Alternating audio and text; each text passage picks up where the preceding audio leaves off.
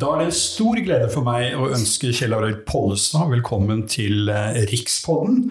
Eh, jeg heter Stig Fossum, og vi skal snakke om Bibelen. Eh, og du har jobbet Pollestad de siste årene med å oversette Bibelen. Hvorfor ga du deg i kast med dette? Det kom egentlig som en inspirasjon fra Det norske akademi, hvor jeg har vært medlem i 30 år ca nemlig fra preses Nils Heyerdahl. For jeg ga ut i 2013 en liten bibel i kortversjon. Og den falt i forholdsvis god jord hos mange. Så det var da Nils Heyerdahl som spurte om det ikke kunne tenkes at jeg kunne oversette hele Bibelen. Og Det syntes jeg var et spennende oppdrag for en pensjonist.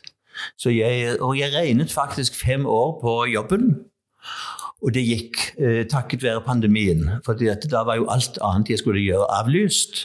Og dermed så holdt tidsskjemaet vel så det, altså. Men hvorfor dette behovet for en ny oversettelse? Nå kommer det jo en i 2024 fra Ja, fordi at Riksmåls, eh, altså Det norske akademi var jo høringsinstans da den bibelen som kom i 2011, og vi var aldri særlig begeistret for den. Og jeg var aller minst begeistret. Fordi at uh, man har ikke tatt nok uh, inn over seg at Bibelen er et, et litterært verk med et meget spesielt språk, og en, minst en tredjedel av Bibelen er jo ren poesi. Og dette har ikke kommet klart nok frem i oversettelsene. Så jeg, mitt, mitt, mål var liksom å lage et bibelspråk som var mye nærmere det hebraiske eh, bibelspråket. Jeg har jo merket meg at du har vært inne på og kommentert at 2011-oversettelsen At man har forsøkt å hva skal jeg si, alminneliggjøre bibelspråket mer enn det grunnteksten egentlig gir grunnlag for? Ja, det er ingen, ingen alminneligheter i grunnteksten. De gamle jøder de hadde sans for det sakrale språk. Og man kan si at prosaen i den gamle jødiske eh, fortellerstilen, altså i, først, i Mosebøkene f.eks., den, eh, den er like særpreget som den norrøne sagastilen. Den er en helt spesiell stil. Og så må jeg jo si også at man har jo laget det så ofte så prosaisk. For eksempel så har man et eh, vers i klagesangene hvor det står 'Alle Jerusalems jomfruer'. Og det er da blitt i 2011 til 'Jentene i Jerusalem'. Og slik er det hele veien, for å si det sånn. Hva mister man da? Ja, Da mister man selve denne bibelske poesien, som er så viktig. Og, og, og som gjør at Guds ord får liksom en helt egen klang og høytid, som man i gamle dager visste å ta bedre vare på. Vi som vokste opp med kristendomskunnskap i skolen, vi lærte jo også at Bibelen er Guds ord, den hellige bok. Ja, hellige skrift. Den hellige skrift.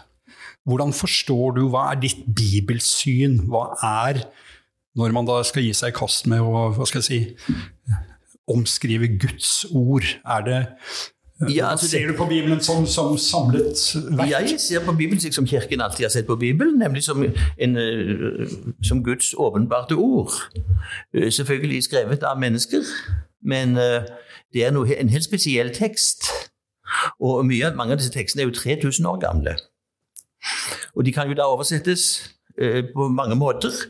Lenge var det jo et, en dyd å oversette ord for ord, nettopp i respekt for Gudsordet. Og Det begynte allerede på 300-tallet før Kristus, da gamle jøder oversatte den hebraiske bibelen til gresk. Fordi at jødene i Alexandria de skrev gresk, de skrev ikke hebraisk lenger. Og Dermed så fikk vi den som heter Septuaginta. Og allerede den er preget av at man tar de, den hebraiske uttrykksmåten inn i det greske språk. Og Slik man, har man gjort hele tiden frem til nå. Eksempel så kan man si istedenfor å si uh, 'hele mitt liv', så sier man 'alle mitt livs dager'. Og I juleevangeliet sier man ikke 'på den tid', men 'i de dager'. Og Det er altså hebraiske uttrykksmåter som er da gått inn i alle språk som man oversetter Bibelen til. Men så kom det da på 60-tallet nye teorier, inspirert ikke minst av amerikansk eh, språkvitenskap, om at man skulle oversette slik at man ikke kunne ane hvilket språk det var oversatt fra. Man skulle gjøre det helt på sitt eget språks premisser.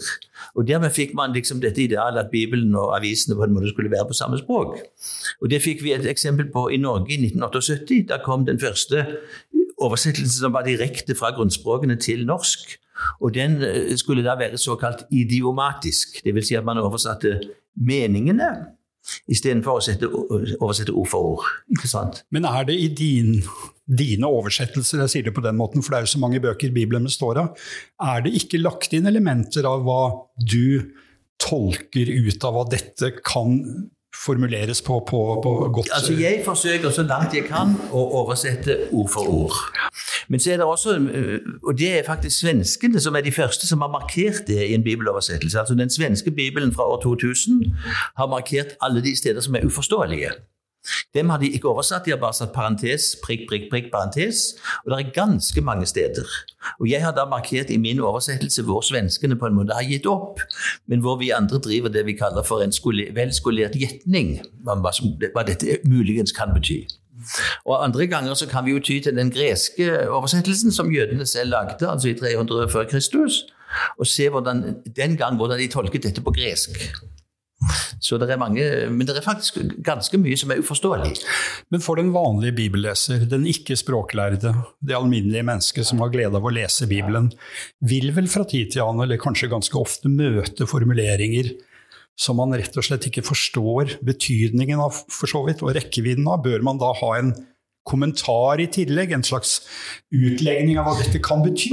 Nei, det tror jeg ikke man, man trenger. Men man, jeg har jo da laget en ordliste bak med alle sånne rare ord. Som ikke er sånne mål, mål og vektenheter og alt sånt, finner man da i en ordliste bak. Så er det også ting som, som virkelig er uforståelige for oss alle, og da må de bare forstå som de er. Eh, jeg tror ikke man skal begynne å lage noen slags pedagogikk og, og, ut av dette her. Da, da dreper man litteraturen, for å si det sånn. Martin Luther har sagt om Bibelen en gang jeg har gjort en pakt med Gud at han verken sender meg syner, drømmer, ikke engang engler. Jeg er fornøyd med Den hellige skrift som gave. Den gir meg mer enn nok instruksjoner til alt jeg trenger i dette livet og det kommende. Jeg sier ammen til det, og jeg må samtidig føye til at jeg har jo hatt Luther som samarbeidspartner. For jeg, jo, jeg, kan jo mange språk, det er jo det jeg kan. Så jeg har hatt 15 forskjellige bibler på 15 forskjellige språk som jeg har kunnet konsultere. Og en av de aller mest verdifulle er jo Martin Luthers. Han er også, han er også sånn eneoversetter, liksom. Og har gjort, han skapte jo faktisk det tyske litteraturspråk gjennom sin oversettelse av Bibelen. Hva vil du selv si? Det er jo åpenbart, du er jo et meget språkmektig eh, person. Uh, uh, I hvilken grad vil du si at det ligger en åndelig dimensjon i en inspirasjon, en gudsinspirasjon, i det arbeidet du har gjort? Jeg vil ikke si jeg, kan, jeg tør ikke uttale meg om det åndelige, men jeg tør uttale meg om det kunstneriske. Fordi at jeg tror at når man driver oversettelse på det plan, så, det, så driver man språkkunst. Og det er en uh, altså man er, man, For å gjenskape en poetisk tekst, så må man på en måte selv ha, ha den poetiske sansen som en slik uh, virksomhet krever. Men var det også et bønneprosjekt? En, en, en veiledningstanke fra din side? Grunnet i din tro? Ja, det er selvfølgelig. Altså, jeg, jeg, jo, jeg, jeg, tror jo på det som jeg holder på med. Ellers hadde det jo vært meningsløst. Og jeg tror at det er viktig altså at man har denne, for det gir jo en helt egen reverens kan man si, for selve teksten. Og, en trang til å fremstille den så vakkert og så opphøyet som man bare kan få det til. Vi kan jo ta noen detaljer også. Jeg merket meg det du har oversatt eh, Fader vår med eh, ikke det onde, fri, altså, men den onde. Er det, en, en, eh, er det, et grep som også knytter seg til det at ondskapen må sies et, et uh... Det er fordi at den, den, den, har to alternativer. Man har to alternativer der på gresk. og det, det, kan bety både det onde og den onde. Men i og med at de nå i den moderne norske oversettelsen har sagt 'la oss ikke komme i fristelse', Altså de, de, våger ikke lenger si sånn som det står. Led oss ikke inn i fristelse.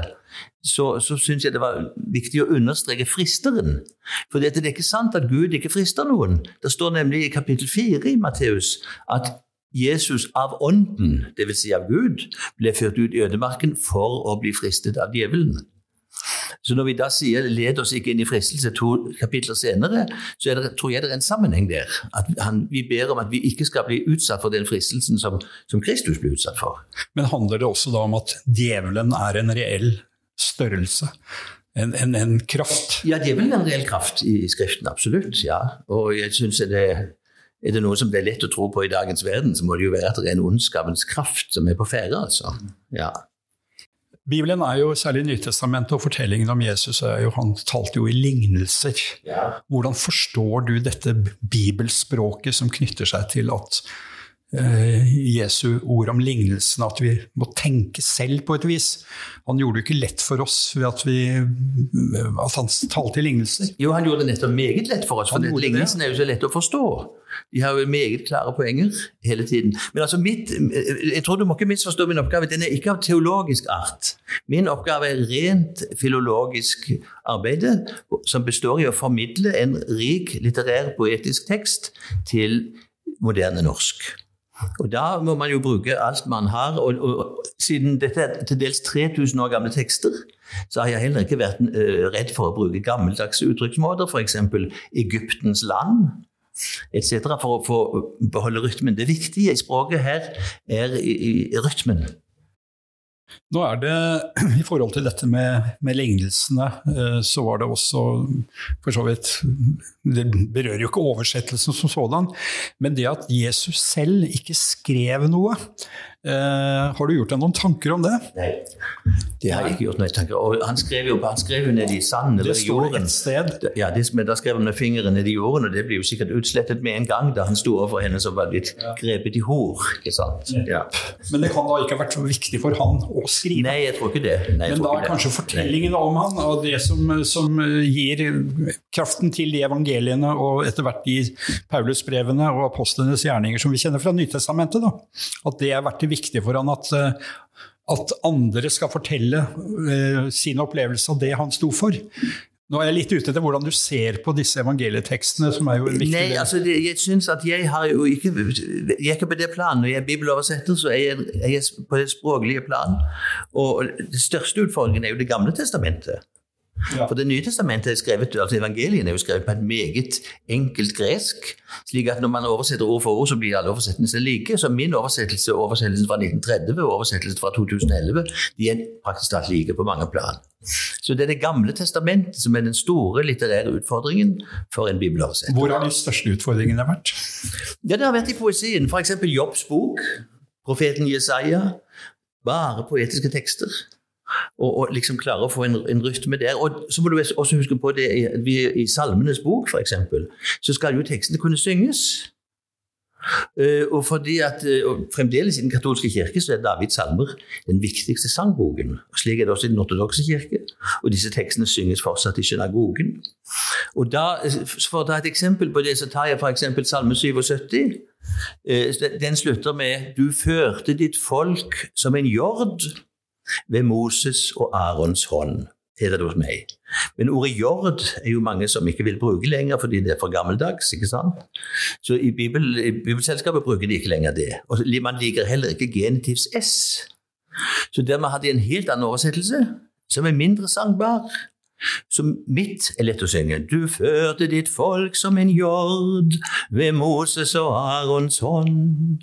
Men så kommer Bibelselskapet. Ved hånden til Moses og Aron førte du ditt folk som en flokk med sauer. Hører du? Det, det, Ja, det, fantastisk. Ikke sant? Du hører stor forskjell. ja, ja. Og det, sånn er det hele veien. Så du er kanskje redd for at den 24-utgaven som kommer neste år fra Bibelselskapet, ikke har hensyntatt det du har hensyntatt her? Nei, jeg tror ikke det, altså Den kommer ikke til å være noe særlig forskjellig fra 2011 når det gjelder Det gamle testamentet. De har kun, så vidt jeg har skjønt, eh, forandret på, på Det nye testamentet.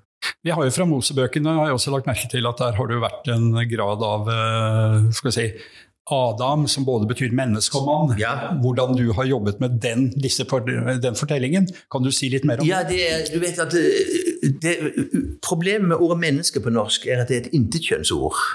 Og Dermed blir det for mange d-er når man skal henvise til ikke sant? Det og det og det. De har ikke noe særlig kraft. Sånn at det er mye bedre å bruke ordet mann så ofte man kan det. For, for mann betyr jo også menneske. Men har du der måttet gjøre et valg hvor du selv velger at her skriver jeg inn mann fremfor menneske, og vice versa? Ja, ja, det, det, det, det, det, jeg lar selve stilen bestemme det. Altså den, den litterære tonen og i det hele tatt. For man kan bruke begge deler. Og det er flere sånne ord eh, som er, hvor, hvor, hvor de, når de er intetkjønn, så har man litt problemer med, med prono, pronomene, rett og slett. Det. det er et svakt og uinkarnert pronomen på en vis. Henger liksom litt i løse luften. Men eh, når du går til Det gamle testamentet, som har vært den største utfordringen, hvor du både har Mosebøkene, du har profetene, du har Salmenes bok, du har ordspråkene eller eh, Salomos høysang og eh, Kaller du det forresten uh, ordspråkene, eller er det predikeren? Hva, hva? Nei, nei, det predikeren er noe annet. Det, for, det, det, heter nå forkynneren. Forkynneren, sånn var det. Unnskyld. Ja, som heter kohelet på ja. hebraisk. og mange, mange, land bruker bare den hebraiske, det på hebraiske navnet kohelet. Men jeg har fulgt uh, Bibelselskapet og sier forkynneren. forkynneren ja. Jeg syns predikeren klinger mye bedre, men ja, der valgte du. Man må ikke være et museum heller, vet du. men fortell meg fra uh, profetene, hvor er det de største rikdommene ligger? Litt sånn om hvordan du selv opplever tekstene. Ja, jeg syns nok at Jesaja tar, tar prisen. Og han, jo, han, har jo 66 kapitler, og det meste av det er skrevet som poesi. Så der får man virkelig eh, brynet seg når man skal, når man skal få dette i en slags rytmisk eh, form. Er dette da bøker som du også vil anbefale for sin, den vanlige, ikke språkkyndige personen som ønsker å gå dypere inn i Bibelen? ja, men profetene, jeg tror man må si at profetene er noen av de eh, vanskeligste tekstene i Bibelen. Men det som vi har gjort, og som jeg tror er meget uh, pedagogisk riktig, jeg har laget noe som jeg har kalt en snarvei gjennom Bibelen. Slik at helt bakerst så får man da en liste over tekster som man kan slå opp. Begynner med skapelsesberetningen, og så står det da nedover beretninger hva, de, hva de inneholder, og hvor, hvor, man finner dem. Gjennom hele Bibelen. Så når man kommer til Lukas, f.eks., Lukas 2, så står det da Jesu fødsel, parentes, juleevangeliet. Slik at det er litt å finne frem. Og da kan, for det, Jeg trodde ikke det er noen god idé å begynne å lese Bibelen på første side, og så bare lese alt. Da risikerer man å sovne allerede i tredje Mosebok. Ja. Så du, har kommet med en veileder? Ja, jeg har kommet med en veileder, slik at man kommer til høydepunktene hele tiden. Og, og, og får liksom tekster som er eh, markerte og markante. Det går en debatt i Norge nå om bibelsyn. Det har bl.a. vært i Den norske kirke, da, hvor biskoper eh, Noen har sagt at dette er en, i anførsel bare en samling av bøker. At uh, Bibelens autoritet kanskje ifrågasettes eller stilles spørsmålstegn ved. Uh, når du har jobbet med Bibelen i fem år og virkelig gått i kjernen av grunntekstene og lagt hele din språklige kompetanse, teologiske kompetanse og, Du kan trygt si jeg har lagt hele min sjel i det. Hele din sjel, jo, noen ganger det var det du, det var det du holdt på å si. Det var det jeg skulle fram til. Du har lagt lagt hele din sjel. Ja. Hva, og virkelig har lest Bibelen fra A til Å. Ja. Fra i begynnelsen, eller fra skapelsen. Uh, hva har du gjort med deg? Hva sitter du igjen med av jeg sitter igjen med en, sånt... ja, en enorm rikdom. Altså, Bibelen er mye mer enn jeg før hadde forestilt meg. Det er såpass, ja. Ja, jeg må si det. Og, og den som jeg spesielt må jeg si, er blitt glad i, det er apostelen Paulus når jeg ser hvordan han eh, arbeidet, og hva han har betydd. Det var jo han som på en måte tolket hele dette som skjedde med, med, med Jesus Kristus, og satte det liksom inn i en slags uh, tenkning, en forklaring. En, en, det var han som på en måte skapte den kristne religionsteologi, Paulus, ut fra det som hadde skjedd med Jesus. Og, og når jeg tenker på den fortellingen når han er på vei til Damaskus for å arrestere eh, kristne og føre dem, til, føre dem lenke til Jerusalem, som det heter. Og så ser han dette lyset og opplever denne stemmen.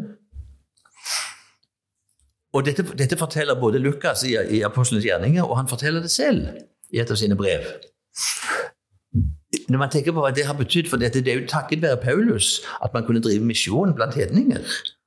For det var jo han som gikk inn for at de, de, de jøder som ble kristne, de, de, var jo fremdeles jøder, men de ikke-jøder som ble kristne, de skulle da slippe å følge Moseloven. De skulle få lov å spise svinekoteletter og pølser, og de skulle slippe å la seg omskjære hvis de var menn.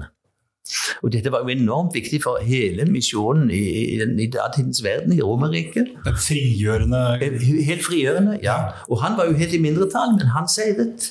Fordi jeg tror han, han sto på, på, det riktige standpunkt, det som var meningen skulle gjelde. Men jeg skjønner jo det du sier, og en refleksjon fra min side er jo nettopp da at når du fremfor å legge vekt på at å gjøre Bibelen forståelig, så er det ved å lese den opprinnelige teksten og den eh, poesien og det språket den brukte, gir jo da en berikelse som du opplyses av nærmest mens du leser og reflekterer. Og jeg ble så glad, og jeg fikk en nokså raskt en reaksjon fra våre fremste kirkemusiker, Trond Kverno. Ja. Og han hadde først slått opp i Salmenes bok. Og da slo det ham med en gang at dette var musikalsk, dette var et sakralt språk for vår tid, sa Kverno. Og det var noe bedre kompliment kunne jeg ikke ha fått. Ja, Det er jo fantastisk. Jeg har noen uh, uttrykk som, uh, som, uh, som sier noe om, om om hva Bibelen har brakt inn i vår dagligtale. Ja. Som jeg syns har vært interessant å høre litt din refleksjon rundt. Vi har, bare ta noen, alfa og omega, den barmhjertige samaritan, eh, flisen i din brors øye, gjøre, eh, eh, henge med hodet, hodet på et fat, hokus pokus filiokus. Ja, Det, det siste er ikke bibelsk, men det, det, det siste bygger på messens latinske liturgi. Ja, ja. ja, Så det har ikke noe med Bibelen å gjøre? Det har ikke noe med Bibelen å gjøre, nei. Hovmod står for fall. Ja. Um, og vi har også kniven på strupen. Ja. Kreti og pleti. Ja. Kretan, kretane og pletane. Fortell det. Kreti og pleti. Det, det, sånn det, var, det var, egentlig en, en, slags livvakt for uh, embetsmennene. Ja. Keiseren osv. Og når vi bruker kreti og pleti, så er det liksom litt av hvert. Litt av hvert. Ja. Eh, slå seg for brystet, skriften på veggen, toe sine hender og vende det andre kinnet til.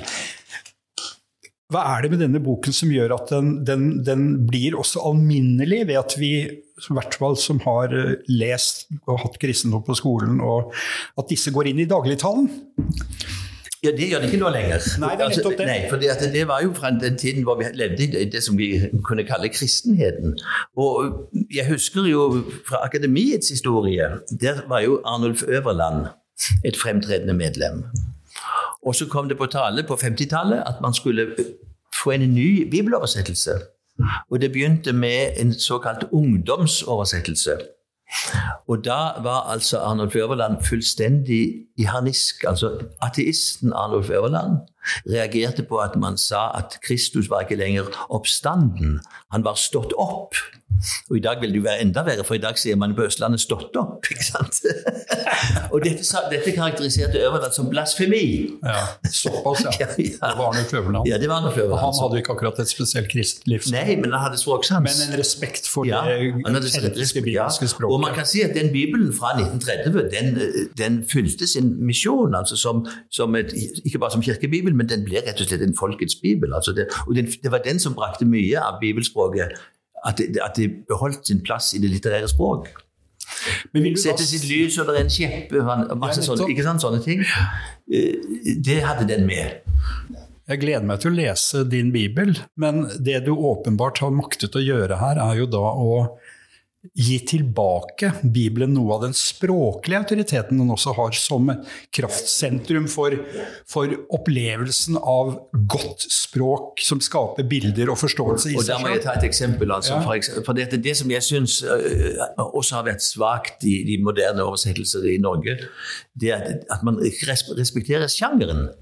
F.eks. står det i 2. Peters brev et ordtak som uh, på, på gresk er fem ord men som Bibelselskapet har brukt elleve ord for å oversette. Og de har til og med oversatt feil. Det heter 'Ikke før er grisen vasket, så velter den seg i søla'. Og så er det, bare det, for det første, det handler ikke om grisen, det handler om grisen i hundkjønn, Men man liker jo ikke lenger kjønn vet du, i moderne tid. Så, sånn at Da har man altså to ord på norsk for en, en gris av hunnkjønn. Det er enten en purke eller en sugge. Men siden dette skal ende i søla, og siden det er et ordtak, så er bokstavrim eh, noe kjærkomment. ikke sant? Så i min oversettelse så er det bare seks ord. Nyvasket sugge velter seg i søla. Da hører du det er et ordtak, ikke sant? Ja. Selvfølgelig gjør du det. Ja, det hører du da. Du hører du med en gang, er ja, et ordtak. Ja, og det er viktig at man får skjønner frem det ja. også helt intuitivt hva Ja, det ikke betyr. sant? Og det er meget viktig at man har den eh, sjangerbestemmelsen. Vask den suga så ofte du vil, går i søla likevel. Det er Det. Nei, det er, det, det er men, f- fantastisk. Da har du også klart å tilføre disse tekstene et opprinnelig liv. Det betyr vel at Bibel, Jeg har registrert at du sier at 2011-oversettelsen er ikke liksom en katastrofe og sånn. Nei, den er ikke det. Nei, og du gir den mye heder. Og den er mye, den er Ja. mye bedre enn 78-oversettelsen. Ja, det, det, har du, det har du sagt. Men Ja. alli- Og da brukte man jo også forfattere for å prøve å, å, å levendegjøre språket. Ja, men det, Problemet var jo at disse forfatterne kunne jo ikke disse bibelske språkene. Nei, så de var til begrenset hjelp. Men de var nok til litt hjelp, altså. Ja.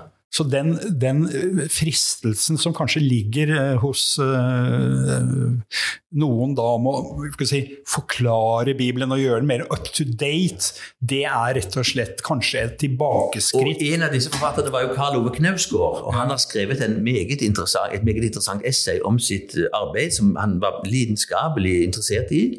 Og han kom til dette arbeidet med den holdningen at vi må lage det så moderne og greit som mulig. Men så fikk han forklart hvordan disse bibelspråkene, og særlig hebraisk, fungerer. Og da snudde han helt om og skjønte at det gjaldt å komme så nært dette som mulig.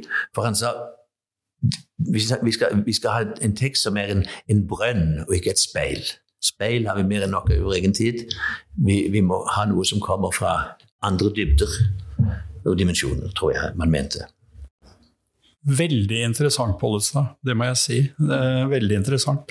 Eh, Det at tekstene blir forstå, forståelige i kraft av sin egen uh, autentisitet, uh, fremfor å bli utlagt på et vis, eller omskrevet for liksom å gjøre det mer forståelig for Ja, ja. Ola og Kari, for å si det ja litt det tror jeg ikke er noe lurt. Nei. Og det er altså forståelig. Altså det, er, det er jo forståelig på, på så mange plan, alt sammen. Det er noen uh, uttrykk, også fra Bibelen, eh, fra Salomos ordspråk f.eks.: Kom, la oss nyte kjærlighetsrusen, fryde oss i elskov til morgenen gryr. Dette har du vært tro mot. Ja da. Ja. Ja da. Er, av og til så er man, er man litt eh, i tvil. Eh, For eksempel så er det jo en del kraftuttrykk på hebraisk for, for, for mannfolk. Altså jeg har sagt, Både det et kraftuttrykk, så har jeg sagt mannfolk. Men det som egentlig står, er veggpisser. Eh, Og det bruker David flere ganger. Og Gud Veggpisser? Ja, når du skal si en mann, altså. For det, det er bare ja, en mann som som kan pisse på veggen, det er bare en mann som kan pisse på veggen. Og det husker jeg, det hadde jeg, hadde jeg stående i selve teksten. Men så var det akademiets preses Nils Heyerdahl som mente at det burde jeg flytte ned i fotnoten. Så, det så der senket jeg det en etasje ned, og så skrev jeg mannfolk isteden. For det er David som skal for eksempel, han skal erobre en landsby, og så skal det ikke være et, det skal ikke være et, et levende mannfolk igjen. Og da sier det skal ikke være en veggpisser igjen, sier David. Det er den opprinnelige, den opprinnelige teksten, ja. Og da har jeg skrevet det skal ikke være et mannfolk igjen. Og så står det stjerne bak mannfolk, og så står det nede Veggpisser. mannfolk, Ja. Fantastisk. Ja. Gi keiseren og eh, Keiseren er- keiserens ære og Gud var Guds ære Ja. fra Markusevangeliet. Ja, det, ja. Eh, Det er jo også intuitivt kanskje å forstå hva det betyr. Eh, Men er det i vår tid gi keiseren hva keiserens er, og Gud hva Guds er? Hvordan ja, I vår tid tar jo keiseren alt, for å si det sånn. Staten tar jo alt. de tar jo veldig mye i hvert fall. Så nå har vi fått noe sånn lovgivning som, som griper inn i, så til de grader inn i kirkens eh, eget liv at man har ikke mye eh, igjen som ikke er keiserens, altså. Hvordan forstår du det ordet for øvrig? Gi keiseren hva keiseren Ja, det- er, og Gud hva Guds er. Ja, det er er det altså- den toregimentslæren? Ja, nei, vi har ikke den i den katolske kirke, men det er i grunnen den du kan, du kan også bruke den som en uh, tolkningsnøkkel. altså. Det kan du absolutt. Ja. Men det at det er, det er visse, altså staten har sitt, sitt område hvor den kan styre, og Gud har sitt. Og de to er helt forskjellige. Hvilke andre opplevelser hadde du underveis? Er det noe, et par ting du vil trekke fram som, som var spesielt? Et slags, Du nevnte at du fikk et nytt syn på Paulus, for så vidt. Ja, så kan jeg nevne det at Man lærer jo når man sitter i fem år og bruker hele tiden på dette. Så blir man jo flinkere. Slik at da jeg hadde holdt på et par år og kom tilbake igjen og leste det jeg hadde begynt med, nemlig første vers i Bibelen, og da sto det hos meg i opphavet skapte Gud himmelen og jorden. Jeg sa altså ikke i begynnelsen, for jeg tenkte vi må ha noe som er absolutt begynnelse. Man jo, når man kommer ut av fengsel, kan man få en ny begynnelse, men man kan aldri få et nytt opphav. Og jeg har opphavsrett til mine bøker, og det er meningsfullt å si at Gud har opphavsrett til universet. Så da hadde jeg altså i opphavet, det heter det på nynorsk også, og på islandsk heter det det. Men var ikke, det var noe som ikke klang riktig. Skapte Gud himmelen og jorden. Så har jeg stående hos meg den første bibeloversettelse som kom på norsk. Den er fra 1200-tallet. Det ble aldri fullført, men øh, dette verset sto. Og der sto det da I opphavet skapa de Gud himmel og jørth. Det sto ikke 'himmelen og jørthina. Det sto himin og jørth. Altså det sto i ubestemt form. Og da skjønte jeg at på norsk, som på engelsk, når man sier generelle kategoriske ting, så må substantivet være ubestemt Vi sier jo ikke 'mennene er dumme', vi sier 'menn er dumme'. Men are stupid. Mens på tysk sier man 'de mennene sind dum'. På fransk les hommes sont stupides. Men altså der er det noe helt uh, grunnleggende for språkfølelsen. Så straks jeg skrev 'I opphavet skapte Gud himmel og jord', da landet den setningen. Fantastisk. Og så, og så, går det videre. Ja. Eh, så uh, i den første, neste vers så er det ikke ett verb som er bøyd i tid. Det er bare såkalte nominalsetninger. Det står f.eks. denne videoen det roer, Altså mange oversatt med 'og Guds ånd svevet over vannene'. Men det står ikke slik. Dessuten, dette for ånd, roer, det kan bety pust, det kan bety, det kan bety ånd, og det kan bety vind. Og Jeg husker vi lo masse i ungdommen av Eh, når det sto der i den oversettelsen 'En vind fra Gud'. Det syns vi var komisk. Men pust og ånd, det har du ånde. Så du kan slå sammen begge to. Og så klarte jeg å få til en setning hvor det ikke var bøyde verb. Så det var, nå lyder det da slik Med mørket over dypet og Guds ånde svevende over vannene. Jorden var øde og tom, med mørke over dypet og Guds ånde svevende over vannene. Da, er det altså, da har du den tidløsheten som den hebraiske teksten har. Og så er altså Bibelselskapet så umusikalsk at de da går videre og sier 'da sa Gud'. Altså en tidskonjunksjon før tiden er skapt. Så hvis man sier ordrett det som står på hebraisk, så sier man 'og Gud sa'. Og Der får man trykket der det skal være, nemlig på sa, for det er første gang Gud taler. ikke sant?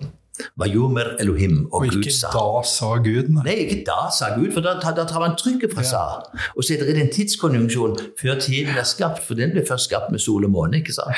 Ja. Så sånn, det, det, er kolossalt morsomt når man er språk, språkforelsket, sånn som jeg har vært hele mitt liv, å holde på med sånne ting.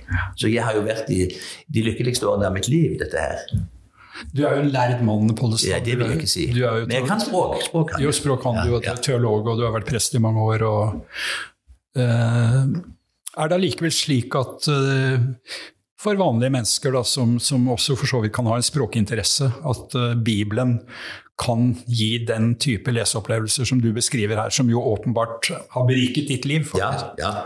ja altså det, man må jo huske på at mange av disse tekstene rent, selv om man leser dem utenfor troens univers, så er de perler i verdenslitteraturen. Ja.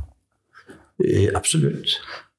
Hvilke bøker er det du vil fremheve mest i så henseende? Altså ja, I Det gamle testamentet vil jeg si det er første Mosebok. Mm. Og så i, i, i Nytestamentet er det jo selvfølgelig evangeliene. De er jo helt sublime. I vår tid så skal jo alt markedsføres, eh, og du skal selge bøker. Eh, ja, det er det er jo Fantastisk å være jeg sier ikke forfatter, men oversetter av Bibelen. Ja. Det er jo et forfatterskap, det også. Jo, men du ser at det var det som, jeg, jeg har jo vært forfatter i 40 år. Ja. Og jeg solgte jo masse bøker på 80- og 90-tallet. Ja. Men så etter, når vi kom inn på 2000-tallet, så begynte mine lesere å dø, å dø, ut. Og da begynte jeg å oversette. Først jeg var opptatt av Snorre, jeg oversatt Homer, både Iliaden, Odysseen osv. Så dette har blitt et helt nytt liv. Og det må jeg si er det morsomste jeg har gjort. Dette med å oversette er fantastisk. Så fantastisk. Ja. For da utvider du, du utvider ditt eget språk ved at du klarer å uttrykke mange ting som, som normalt ikke uttrykkes på norsk. ikke sant? Og da blir jo bibellesning også en slags form for musikk og en, ja, en opplevelse ja, som ja. fyller deg på det. Hva vil du sånn avslutningsvis, eh, hvis du skulle Du er ikke markedsfører, eh, men Hvis du skulle gitt en sånn statement på Hvorfor bør jeg lese Bibelen? Hva ville du sagt? Hvorfor er Bibelen viktig? Nå tenker jeg ikke Ja, altså, Du er en troende mann og Ja, teolog. altså, det, det, det, det jeg må si, altså Normalt for oss som er troende, så er det jo, det er jo for å søke næring for vår tro. Bibelen er jo den beste næring man kan få for å få troen eh, bevart og styrket. Men eh, for de fleste europeere i dag så er ikke det et aktuelt, eh, en aktuell tilnærming. Derimot så er det meget aktuelt å søke, være litt nysgjerrig på våre egne kulturelle røtter. Og jeg vil si Når man går f.eks. i kunstgallerier i Europa og, og, og ser på alt det som er skapt i Europa gjennom 2000 år Hvis man ikke aner noe om kristendommen, så blir man gående som en japaner ikke sant? i, i våre egne minnesmerker fra fortiden.